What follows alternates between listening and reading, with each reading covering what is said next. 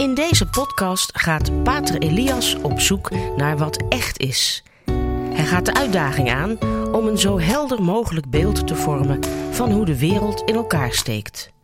Dit is de Pater Podcast.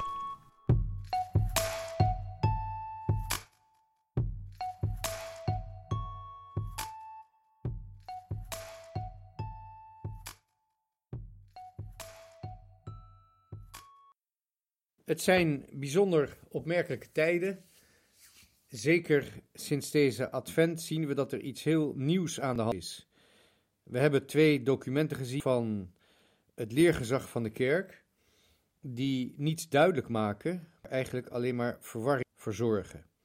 Het eerste is niet zo bekend, weinig hebben het echt gelezen. Het gaat over het het promoveren van de theologie, ad promovendum theologiam, dat betekent eigenlijk om de theologie te bevorderen. En het tweede uh, document heeft veel meer aandacht gekregen. Dat is geen motu proprio van de paus zelf, het is een document van het dicasterie voor het uh, leergezag, voor, voor de kerkelijke leer. Uh, het is dan ook niet direct, alleen indirect van de paus afkomstig. Het is getekend door Tucho Fernandez. Dat is de kardinaal die het hoofd is van dit uh, dicasterium. En daarin wordt in vrij vage bewoordingen, um, ik zou bijna zeggen zoals gewoonlijk, wordt daar een toestemming gegeven voor iets wat ook niet duidelijk is. En daardoor zie je gewoon wat je ook over het document zelf denkt, wat je ook denkt over het zegenen van homo-stelletjes. Je ziet dat het document voor verwarring zorgt, zowel bij progressieve als conservatieve, uh, ook zelfs binnen het, um, ja, binnen het leergezag, binnen het Vaticaan blijkt er grote verdeeldheid naar buiten te komen over dit document. Dus het laatste woord is er nog niet over gezegd. Er is iets heel merkwaardigs aan de hand en hoe dan ook, als er verwarring is aan de top, dan moet je gewoon als individuele, persoonlijke gelovige, als iemand die de kerk lief heeft, moet je um, in zekere zin doorgaan met waar je mee bezig bent en wachten tot de bui uh, voorbij is. Tot uh, door goddelijke voorzienigheid, door de Heilige Geest, door menselijk gezond verstand, er weer helderheid is gekomen en, en er een duidelijk antwoord komt, een duidelijke oplossing voor het probleem dat op tafel ligt en dat we voor ons hebben. Dus geen paniek. Um, wanneer we van de kerk houden, weten we dat als vandaag onduidelijk is, dan ga je gewoon door op een trouwe manier, op een uh, volhardende manier met wat je gisteren besloten had. Dus ik zeg niet geen, uh, dat er geen probleem is, maar ik zeg wel geen paniek in de, in de tent. Iedereen die van de kerk houdt, die moet toch wel verbaasd zijn en uh, ja, zich ook wel zorgen maken om de onduidelijkheid die nou juist komt van het leergezag. Um, en ook nadenken over wat God hiermee bedoelt. Als we van Christus houden, als het zijn kerk is, het is niet de kerk van de paus, het is ook niet de kerk van het leergezag, het is de kerk van Jezus Christus zelf. Als je van die kerk houdt, dan is het onvermijdelijk dat je vraag stelt: waarom, Heer? En hoe lang nog, Heer? En uh, waar gaan we heen? Wat wil je ons vertellen, Heer? Dat is eh, helemaal niks nieuws, dat is niet modern, dat is zo oud als het geloof zelf. Wanneer um, de Israëliërs, die dan in hun eigen land zijn gekomen, het volk Israël, um, dat komt dan in het eigen land, nou eindelijk uit Egypte te zijn bevrijd en door de woestijn te zijn heen gegaan, dan leven zij in Israël onder de zogenaamde rechters, zoals wij ze noemen in, uh, in de, bij, naar de, volgens de Bijbelse tekst. We kunnen het lezen in het boek van de richteren, de rechters. Um, zo gauw dat volk Israël, die overigens uh, meer in een um, democratische theocratie leven dan in een uh, koninkrijk, dat moeten we ook even opmerken. Het koninkrijk Israël is pas later gekomen, het koninkrijk Judea, Israël, dat zijn dingen van latere tijd. Dit is de, de, de tijd voor het, um, nog voordat er koningen waren in Israël. Er waren rechters die hanteerden de wet van God. En ehm, je zou bijna kunnen zeggen dat het volk op gelijke voet leefde met God. Het leefde naar zijn wet. In die tijd werd ook toen het volk van Israël, dat in de bergen woonde, werd vaak aangevallen door, ehm, je zou kunnen zeggen zelfs rijkere culturen die in de vlakte leven, leefden, de Filistijnen. Die hadden ook strijdwagens, die waren blijkbaar iets verder ontwikkeld. Ehm, maar die wilden die bergen van, de, van Israël wilden ze veroveren en dan kreeg, kwam er oorlog. En wat heel opvallend is, is dat iedere keer wanneer zo'n aanval komt, dan zeggen de Joden of de Israëlieten van die tijd, die zeggen niet wij zijn het slachtoffer, we worden vervolgd, of de Filistijnen zijn antisemitisch. Nee, het enige wat ze zeggen is, we worden aangevallen, we moeten de eer van God verdedigen, want hij heeft ons dit land gegeven. Dus het is niet eens echt ons bezit. Nee, het, het, het, is aan ons gegeven om te cultiveren, om er iets mee te doen. Uh, maar we hebben het wel ontvangen. Het is niet eens echt helemaal van onszelf. Dus dat land moet verdedigd worden. En dat doen ze op een moedige manier. Dat doen ze met man en macht. Maar tegelijkertijd beschuldigen ze die Filistijnen er niet van dat ze moreel fout zijn. Nee, het zijn gewoon heidenen. Ze, ik zou bijna zeggen, je kunt, ze weten niet beter. Ze moeten wel, want ze zijn heidenen. Het zijn onbesneden uh, barbaren en ze vallen ons aan. Er is niks aan te doen. Ze, ze, ze hebben niks anders te doen. Ze hebben geen God. En wat vragen de Joden zich wel af als ze worden aangevallen? En dat is cruciaal om dat te zien. Wat hebben wij misdaan? Wat hebben wij fout gedaan? Waarom heeft God de Filistijnen nodig om ons weer tot reden te brengen?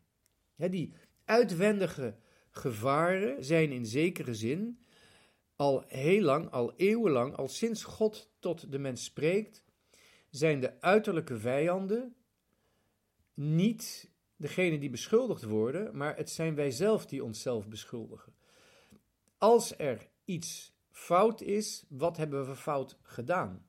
Als er van buitenaf gevaren op ons afkomen, wat betekent dat? Waarom kan God ons niet meer van binnenuit aanspreken? Je zou dus kunnen zeggen dat de uiterlijke gevaren die op ons afkomen een teken zijn van gebrek aan innerlijke vrede, aan innerlijke uh, intieme verhouding met God, aan innerlijke helderheid over ons geweten. En dat is heel veel eisend voor ons als christenen om dat, uh, om dat te, vorm te geven in ons leven. Maar het is zo oud als de openbaring van God zelf. De uiterlijke gevaren zijn nooit schuldig. Ze weten niet beter. Het zijn wij zelf die, wanneer we krachtig genoeg, wanneer we helder genoeg zouden zijn, uh, wanneer we moreel meer in overeenstemming met Gods wil zouden leven en aan Zijn verlangens voldoen, dan zouden we ook veel meer kracht hebben tegenover de vijand.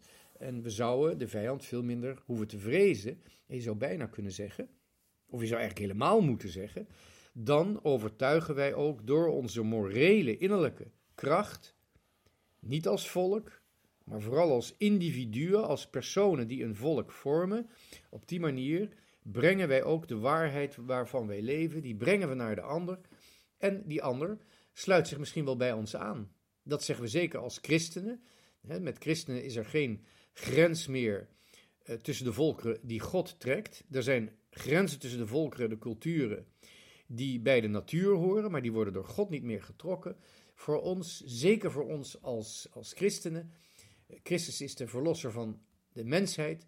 Wij als christenen, wanneer wij worden aangevallen, dan um, is dat is de beschuldiging van we hebben iets fout gedaan, of gewoon ons de, de, de kijk in het geweten, dat is ons geweten.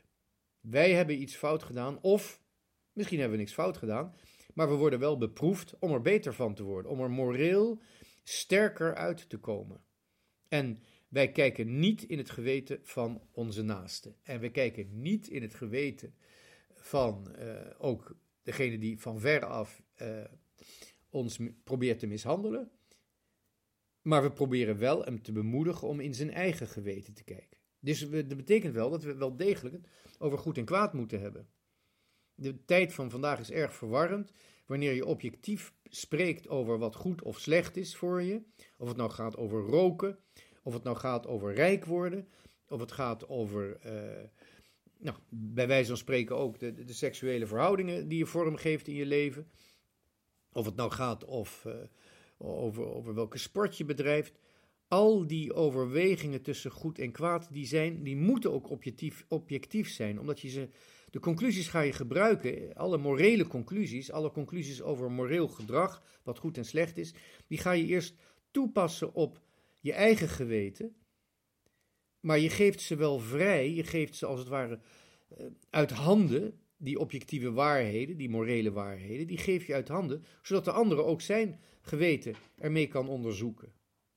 Maar dat ga je, je gaat nooit andermans geweten onderzoeken voordat je je eigen geweten hebt onderzocht. Maar het feit dat je dus nooit begint met de ander te beschuldigen, je kijkt altijd eerst naar jezelf, dat betekent niet dat je die objectieve waarheden moet verzwijgen. Die zijn gemeengoed. Die mag iedereen weten. En daar zien we dus dat probleem komen we tegen, dat oordeel niet, nee, dat klopt wel, maar we moeten wel beoordelen objectief wat goed en slecht is. Want daarmee kunnen we zowel naar onszelf eerlijk zijn en we kunnen ook naar de anderen eerlijk zijn.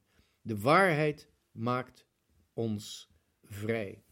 En dan kom je in feite op een van de grote dilemma's van vandaag, is dat wat pastoraat heet, of pastorale theologie, of pastorale houding, of pastoraal beleid, daar is in feite dit een, een groot, te groot probleem geworden Waarheden, objectieve waarheden over moraal worden gewoon verzwegen, omdat de ander het niet zou kunnen accepteren of het niet zou willen horen. De morele waarheden die de kerk aanbiedt om gekozen te worden of om te worden afgewezen, dat risico heb je, die moeten worden verhelderd en moeten worden helder worden aangeboden, zodat de mensen weten wat ze kunnen kiezen. En de term pastoraal is eigenlijk gaan betekenen dat je dat proces vermijdt. Officieel is het respect voor de ander. Je gaat hem niet vertellen wat hij niet wil weten. Maar al heel snel betekent het eigenlijk minachting voor de ander. De ander heeft geen recht op de objectieve waarheid, waarheid waar ik zelf in geloof. De ander mag zijn mening geven, ik geef mijn mening, maar die mening heeft verder mm, eigenlijk niks meer te maken met die objectieve waarheid. Met de concrete waarheid, met gezond verstand. En dat is een teken van minachting. Je mond houden over dingen waar jij niet alleen een mening over hebt, maar waar je ook in je diepste overtuiging vanuit probeert te leven, terwijl je er altijd die waarheden, die je als bron beschouwt, terwijl je die veel eisender op jezelf toepast dan op anderen, het verzwijgen van die waarheden, die bronwaarheden van je eigen leven tegenover de ander, dat is een vorm van minachting. Dat is een vorm van de ander niet serieus nemen. Dat is een manier om de ander geen vrije keuze te laten maken. En dat is het, het rampzalige wat zich afspeelt vaak tegen het decor van wat we pastoraal noemen. En daar zijn we in Nederland natuurlijk, de katholieken die er over zijn, en dat zijn er niet zoveel, maar ze weten wel wat ze doen. Voor een heleboel um, katholieken die nog echt erin geloven, die van de kerk houden en die ook wel in verwarring zijn gebracht door wat er op het ogenblik in Rome gebeurt. In zekere zin zijn wij ook argwanend geworden voor dat woord pastoraal. We zien dat het woord pastoraal wordt gebruikt om allerlei dingen, uh, allerlei slechte dingen onder het tapijt te vegen, allerlei goede dingen niet meer uit de kast te halen en je gasten aan te bieden. Het is heel triest, maar het woord pastoraal is een soort van wollen deken geworden waaronder alles wordt verstopt en langzamerhand ook wegkwijnt. Pastoraal is een betekenisloos woord geworden. En dat is vooral in Nederland. Is dat heel begrijpelijk, omdat we dat, pastorale concilie in Noordwijkerhout hebben gehad. Het feit dat die bijeenkomst van de katholieke Nederlandse elite, van met name de geëmancipeerde politici en de theologen die eindelijk ook een keer aan het woord mochten komen, want Nederland is nou eenmaal een cultuur waarin uh, theologie vooral een protestantse zaak is, maar het heeft nooit veel prestige gehad in katholieke landen, in, in, in katholieke uh, cultuur van Nederland. Eindelijk kwamen de theologen met allerlei nieuwe, verfriste, verfrissende, dachten ze althans, allemaal nieuwe ideeën uit Rome terug. Dus de, theologen waren als het ware, de Nederlandse theologen, waren echt um, helemaal in een, in, een, in een feeststemming teruggekomen uit het Vaticaans Concilie. Ze mochten nu ook meepraten, ze mochten de kerk gaan veranderen. En die ontmoeten in Nederland de politieke klasse, de, de upper middle class, zou ik maar zeggen, het onsoort mensen van het uh, katholieke Nederland. En ze hebben samen dat pastoraal concilie in Noordwijkerhout hebben ze gehouden. En dat werd ook georganiseerd door de Franciscaan pater Walter Godijn. En die naam die, uh, klinkt voor velen nog steeds uh, wel bekend. Hij werd namelijk de Stalin van Noordwijkerhout genoemd. En ja, die titel heeft hij wel goed gekregen, denk ik. Het geeft de sfeer weer. Het, je zou kunnen zeggen, het, het, het, het de winterslaap of de, de ijstijd waarin um, de Nederlandse katholieke kerk raakte een soort van um, bureaucratische, nou laat ik zo zeggen, een, een, een teleurstelling over een uitblijvende uh, vernieuwing die uh, bevroor in een bureaucratische houding waarin over het belangrijkste niet meer gepraat kon worden. En dat ging dan onder de denkmantel van dat woord pastoraal. Het woord concilie is al uitermate pretentieus, want concilies werden alleen gehouden voor de hele kerk om dogma's te formuleren. Maar goed, in Nederland hadden wij een concilie nodig en dat werd dan het pastoraal concilie. Um, en daarmee is die naam pastoraal eigenlijk in Nederland vergiftigd. We zijn in een Stalinistisch, Stalinistische winter terechtgekomen en waarin ook eigenlijk alle, je zou kunnen zeggen, de institutionele kant van de kerk is helemaal doodgevroren. We hebben geen katholiek onderwijs meer. Alleen het bordje staat er nog op, maar het heeft er niets meer mee te maken. En katholieke families met kleine kinderen, die sturen nu heel terecht hun kinderen niet meer naar katholieke scholen, maar naar protestantse scholen. Want daar is niet alles doodgevroren. We zijn in een klimaat terechtgekomen waarin dat woord pastoraal eigenlijk geen enkele betekenis meer heeft. En, laten we even eerlijk zijn, voor de mensen die nu nog met motivatie en een duidelijk, duidelijk uh, geloofsinzicht um, naar de kerk gaan, voor hun is dat woord pastoraal of betekenisloos geworden, of het heeft een nare klank.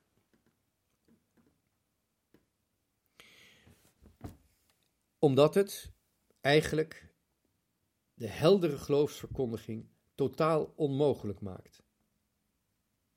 En daarin speelt nu dat synodale proces, wat langzamerhand steeds minder inspirerend wordt, speelt daarin een belangrijke rol. Want dat wereldwijde synodale proces lijkt verdacht veel, zeker in de manier waarop het nu vorm krijgt, op het zogenaamde pastorale concilie in Noordwijkerhout in de zestiger jaren in de Nederlandse katholieke kerk. Het is niet zo gek dat je zou zeggen dat er vanuit Nederland niet echt veel um, enthousiasme is voor dat synodale proces. We gaan gewoon afwachten wat er gebeurt, maar de twee documenten die in december zijn uitgekomen over de homozegen en over de bevordering van de theologie, die lopen eigenlijk vooruit op wat geconcludeerd had moeten kunnen worden in dit jaar. Het is net alsof in Rome men aanziet komen dat het synodale proces als een nachtkaars uitgaat en men toch de zaak wil forceren door de conclusies waar men wel degelijk bewust naartoe werkte, om die toch maar nu alvast even kenbaar te maken. Om het vast te leggen, om wat voor reden dan ook. Men is blijkbaar niet meer helemaal overtuigd dat het synodale proces deze twee ehm, ja, conclusies zal hebben. men is blijkbaar, dacht men van dat synodale proces, dat gaat leiden tot hetzelfde als waar het in Nederland toe heeft geleid, namelijk een theologie zonder dogma's en een pastoraal zonder richting. Daar komt het eigenlijk op neer. Een pastoraal waarin alles kan en een theologie uh, waarin het eigenlijk nergens meer over gaat, behalve een beetje op politieke manier, zodat de media het ook leuk vinden. Die, die conclusie had eruit moeten komen, net als die uit het Noordwijkerhout kwam, uit het Noordwijkerhoutse proces. Maar ze, blijkbaar geloven ze er zelf niet meer in, in de gewenste uitkomst. En dus moet er nu maar even van tevoren iets worden vastgelegd. Dan hebben we dat al binnengehaald. Het probleem is met deze twee verklaringen, is dat misschien geeft dat even wat ehm, zekerheid voor degene die daar naartoe wilde. Maar het betekent wel dat het hele synodale proces van dit jaar nog irrelevanter is geworden. Want de conclusies zijn nu al vastgelegd. Dus wat er met dat synodale proces gaat gebeuren, uh, het zal niet veel zijn. Het zal ook beginnen met een enorme verwarring over wat er nou werkelijk besproken moet worden, want is er nog wel iets te bespreken? Een heel merkwaardig verschijnsel in de advent, ik zou bijna zeggen de Heilige Geest of, of de voorzienigheid of wie dan ook, is toch bezig geweest om roet in het eten te gooien van degene die de katholieke kerk irrelevant willen maken. Degene die theologie willen maken tot een soort van ehm, gesprek over niets. En de pastoraal eh, eigenlijk eh, willen ontdoen van iedere richting. Van iedere vrije keuze die kan gemaakt worden voor een geopende waarheid. De mens hoeft niet meer te kiezen, mag ook niet meer kiezen. En de mens hoeft ook niet meer te zien dat God naar hem toe is gekomen. Wel een beetje op emotionele manier, maar het verstand hoeft er niet meer bij gebruikt te worden. De theologie is al gesmoord, het is niks meer en de pastoraal is nou juist alles geworden. Als ik mijn hamster goedemorgen zeg, dan kan dat een ritueel, niet-ritueel gebaar zijn of een niet-ritueel ritueel zijn. Oftewel, een zegen. Als ik mijn, mijn, mijn hamster of mijn konijn goedemorgen wens, dan is dat in feite vanaf heden een zegening, omdat het een niet-ritueel ritueel is. Dat is nu al, althans de poging daartoe is ondernomen om dat vast te leggen. Verder kun je niet gaan in het nihilisme. En dat betekent dus dat dat synodale proces ook totaal nutteloos is geworden. En ik ben heel benieuwd wat er uiteindelijk wel mee gaat gebeuren. Want de verwarring is er al. En de teleurstelling is er ook al bij de progressieven. De progressieven die het liefst een homohuwelijk in de katholieke kerk zouden willen zien. En ik moet heel eerlijk zeggen, ik kan hun verwachtingen goed begrijpen. Want het, de tweeslachtige taal vanuit vele prelaten en vele theologen, die heeft die hoop wel gewekt. Dus bij de, de homo-stelletjes die liever hadden willen trouwen of een rituele zegen zouden willen hebben in de kerk, die zijn terecht teleurgesteld. Ik kan die teleurstelling begrijpen en ook hun woede en verdriet over het uitblijven van het homohuwelijk en de homozegen is volkomen begrijpelijk. En ik kan heel erg met ze meevoelen. Maar ik ben het er niet mee eens met hun standpunt. Maar dat is iets heel anders. Hun teleurstelling kan ik begrijpen en die vind ik terecht. Want ze zijn bedonderd. Er is een valse hoop gegeven. Om wat voor redenen weet ik niet. Maar die hoop had nooit gegeven mogen worden. Leef je leven zoals jullie kiezen maar het is een andere manier van leven dan die de katholieke kerk voorstelt. En er zijn een heleboel mensen met uh, homoseksuele gevoelens, of eh, zoals de Engelsen dat noemen, de same-sex attraction. Er zijn een heleboel mensen die dat, die dat ervaren in hun leven en die zeggen: nee, Ik kies gewoon vrij voor het, noem het maar conservatieve, katholieke standpunt. Ik ga in kuisheid leven. Ehm, ik, ik ga met die gevoelens iets anders doen dan ze vormgeven in een seksuele relatie. Er zijn zelfs mensen die getrouwd zijn, die hebben wat van die gevoelens. Uh, het, kom je, komt alles tegen. Die keuze is ze aangeboden. Ze zijn niet bedonderd. Conservatieve katholieken bedonderen nooit de zaak. En die strepen, die, die, die, die, die, die, die praten je nooit naar de mond. Die zeggen waar het op staat. En dat kan op een mooie manier gebeuren. Dat kan op een hele ontvankelijke manier gebeuren. Maar conservatieve katholieken zeggen wat er gekozen kan worden. En die hebben er ook vrede mee als je tegenkiest. Als je het niet kiest, is helemaal geen enkel probleem. Maar dit is wat ik aan te bieden heb. Dit verkoop ik in mijn winkel. Als je het niet wil hebben, als je het te duur vindt, als je het niet leuk vindt, geen enkel probleem. Als je het wel kiest, ook fijn. Dat schept een band tussen klant en verkoper is een band. En tussen mensen die hetzelfde geloven en proberen te leven is ook dezelfde band. Dezelfde eenheid, dezelfde richting, hartstikke mooi. Maar tegenover degene die de keuze niet maken, moeten we absoluut, dat is heel normaal, daar vertel ik heel niets nieuws mee, daar moeten we gewoon respect hebben. Maar je moet niet verwachtingen gaan kweken over niet-katholieke dingen tegenover niet-katholieken, die onterecht zijn. Die verwachtingen, als die onterecht zijn, komt er een teleurstelling, komt er een verdriet en komt er ook een woede die terecht is. Zeker als dat bedrog van de ander plaatsvindt met een pastorale vlag. Wanneer onder een pastorale hemel dingen worden gezegd en hoop wordt gekweekt die niet klopt, dan zijn we verkeerd bezig.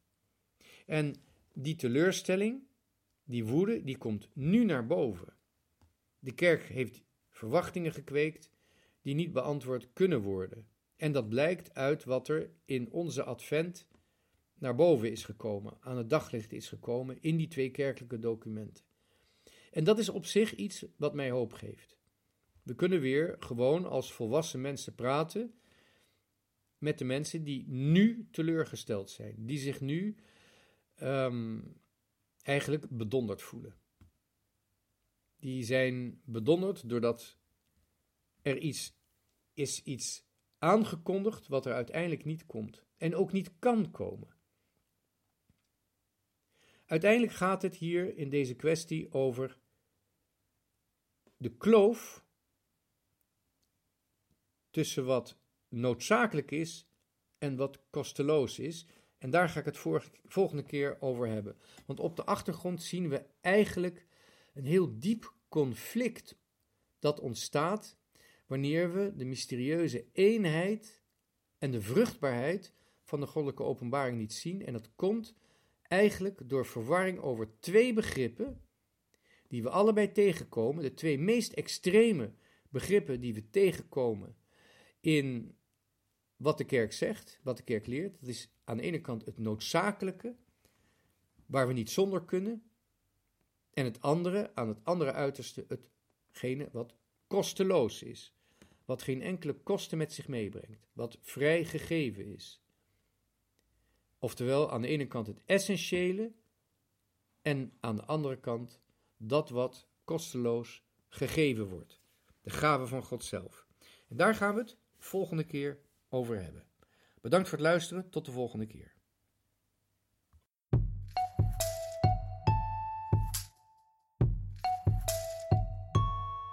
Dit was de Radio Maria Pater Podcast met Pater Elias. Deze podcast is online terug te luisteren via de website van Radio Maria en andere podcastplatforms.